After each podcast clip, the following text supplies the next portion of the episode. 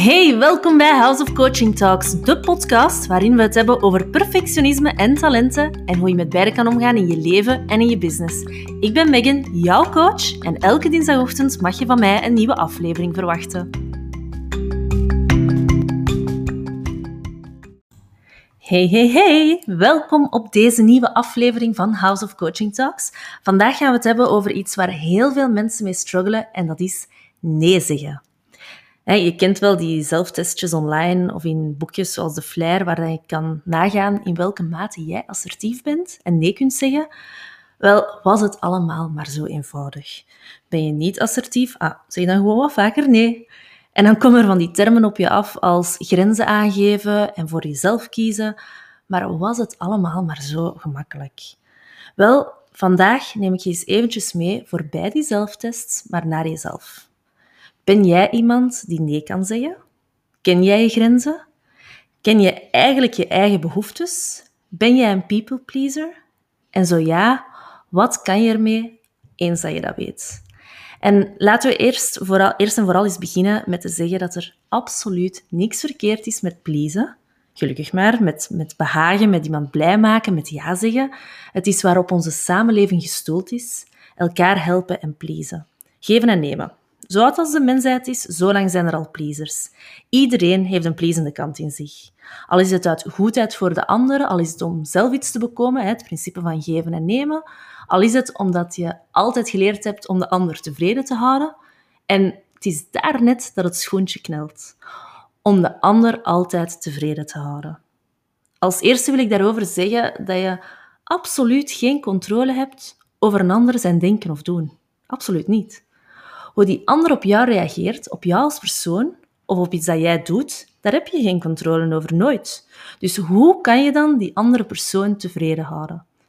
En heel vaak bij people pleasers, ik zelf heb daar ook mee leren dealen, willen ze niet één persoon, maar alle personen tevreden houden.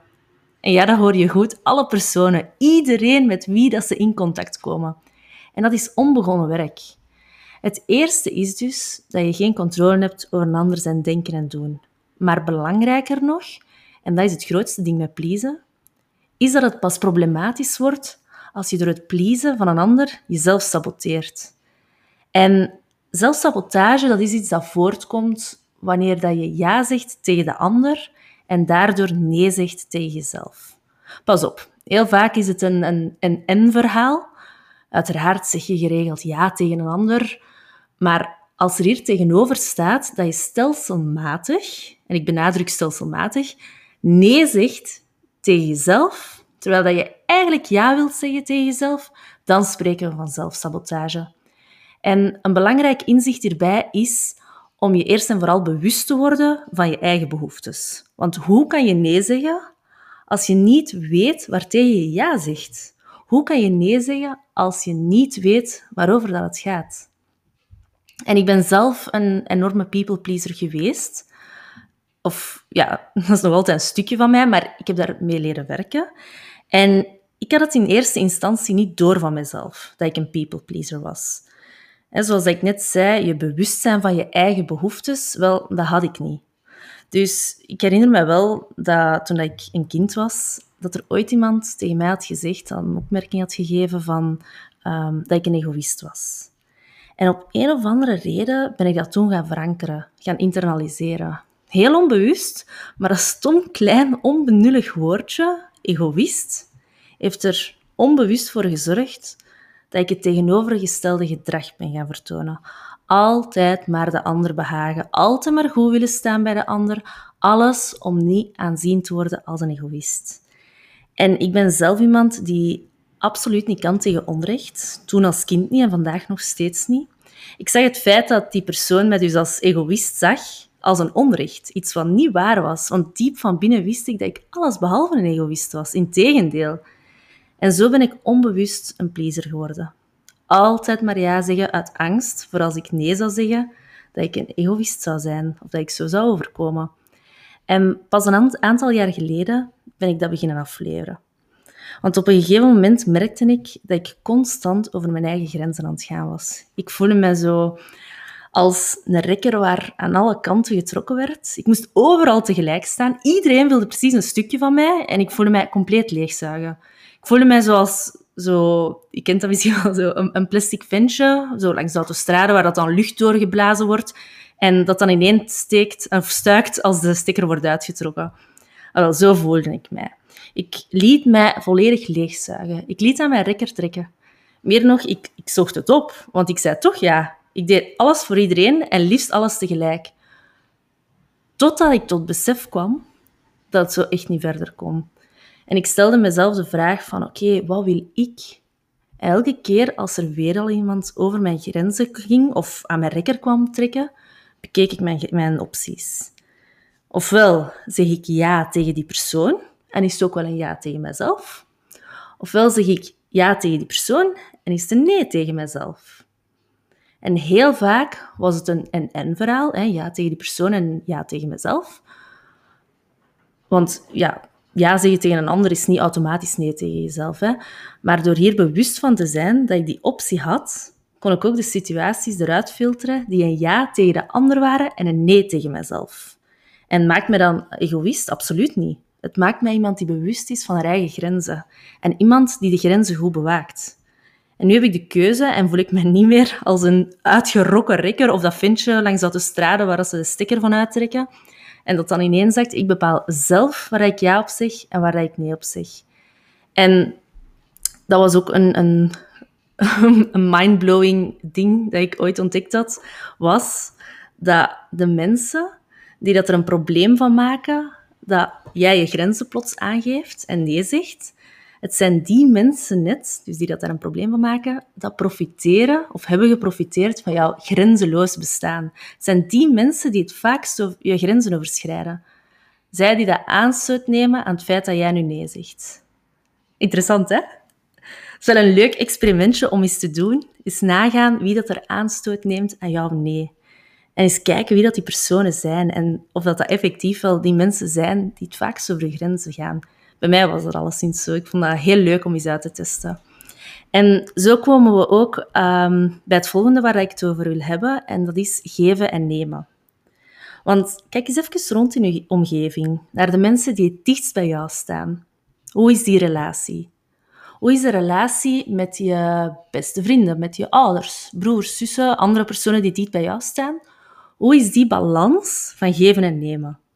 En nu eventjes om eens mee te doen, neem eens één specifiek persoon voor de geest die dicht bij jou staat. En de reden dat die persoon dicht bij jou staat, is waarschijnlijk, en dat hoop ik alleszins, omdat er een balans is tussen geven en nemen. Als ik bijvoorbeeld kijk naar mezelf um, en naar bijvoorbeeld de relatie met mijn beste vriendin, dan is dat gestoeld op geven en nemen. Ik geef aan haar, maar ik krijg ook van haar. Het is eigenlijk het principe waar dat onze hele economie rond draait. Geven en nemen, verkopen en kopen, ontvangen en uitgeven. En het is net hetzelfde voor relaties, voor relaties met andere mensen.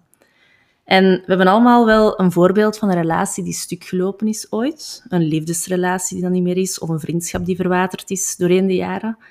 En kijk dan eens voor jezelf wat dat er aan de basis lag van die breuk of van die verwatering. Want heel vaak leidt dat terug naar het geven en nemen principe. De balans tussen geven en nemen was er niet meer. De een gaf veel meer dan hij kreeg, of omgekeerd. En dat is jammer. Maar dat is ook het leven en, en hoe dat leven nu eenmaal is. Op een gegeven moment gaan we in relaties uit balans. Sommige vriendschappen of liefdes zijn voor het leven, omdat de balans goed is en blijft, omdat er gewerkt wordt aan die balans en andere verwateren of leiden tot een heel spontane of, of abrupte breuk. Maar wat heeft dat nu eigenlijk allemaal met pleasen te maken? Als pleaser zeg je dus altijd maar ja, zelfs als alles in je, lijf, in je lijf schreeuwt om nee te zeggen. Maar je durft niet. Je bent bang om die ander teleur te stellen of je bent bang dat die ander dan ja, scheef naar jou gaat kijken. En als jij de pleaser bent, dan heb je ook de neiging in een relatie, gewoon met de mensen om je heen of in een liefdesrelatie, om altijd maar te geven. Geven, geven, geven. Je gaat ongewild uit balans, want je kan onmogelijk van de ander verwachten om stelselmatig zoveel te geven als jou. Mensen die gaan pleasen uit angst om afgewezen te worden, of uit angst om hm, egoïst genoemd te worden, uit angst voor de reactie van de ander, zullen altijd hun 100% geven in relaties. Maar net daarom zorgen ze voor een disbalans in de relatie. En zorgen ze uiteindelijk ervoor dat ze over hun eigen grenzen gaan. En die grenzen zijn oh zo belangrijk. I kid you not. Het is niet verwonderlijk dat pleasers en perfectionisten, die altijd tot het uiterste gaan, ten prooi vallen van een burn-out. Want een burn-out komt erop neer dat je hoofd altijd maar ja, ja, ja, ja zegt tegen alles en iedereen, altijd maar doorgaat, maar je lichaam, de eigenlijke motor, die is al een tijdje aan het pruttelen, omdat er telkens maar over de grenzen gegaan wordt. Mentaal raak je zo uitgeput en dat zet zich op je lichaam. En ik zie al dat pleasen en over de grenzen gaan vandaag als een stiekeme sluipschutter. Zo iemand die bovenop een, op een hoog gebouw, op zo'n skyscraper ligt, die de situatie in de gaten houdt. En je ziet hem niet liggen, maar hij loert om de hoek. En als het moment daar is, dan schiet hij en dan laat hij zich zien. En een hele tijd heb je die sluipschutter dus niet in de gaten. Maar als hij schiet, bam, dan is die burn-out daar. En dat is net als een kogel die los je borst raakt. En daarom wil ik je um, voor deze aflevering eens uitnodigen om de komende dagen eens drie dingen te gaan doen. Drie kleine dingen om te doen en in toog te houden. En het eerste is, ga eens na hoe vaak dat je ja zegt tegen een ander en hierdoor nee zegt tegen jezelf. Ten tweede, kijk eens naar de relaties met de mensen om je heen. Waar is er een balans van geven en nemen en waar is die balans verzoek? Drie, welke mensen nemen er een aanstoot aan jouw nee? Zijn het de mensen die ook stelselmatig over jouw grenzen gaan of niet? En nu, bewustzijn is al een eerste stap in de goede richting. Zo heb ik het destijds ook aangepakt. Eens dat je bewust bent en even kunt stilstaan en de situatie kunt bekijken, dan pas kan er verandering komen. En zo zijn we alweer aan het einde gekomen van deze aflevering, van deze tweede aflevering van House of Coaching Talks. En vond je deze aflevering boeiend? Laat het mij dan absoluut zeker weten. Maak er eventjes een, een printscreen van. Deel hem in je stories op Instagram en tag mij alsjeblieft op houseofcoaching.be, want het is altijd heel fijn om te zien. En laat mij dus zeker weten wat je ervan vond. Heel fijn dat jij er vandaag bij was en heel heel graag tot de volgende!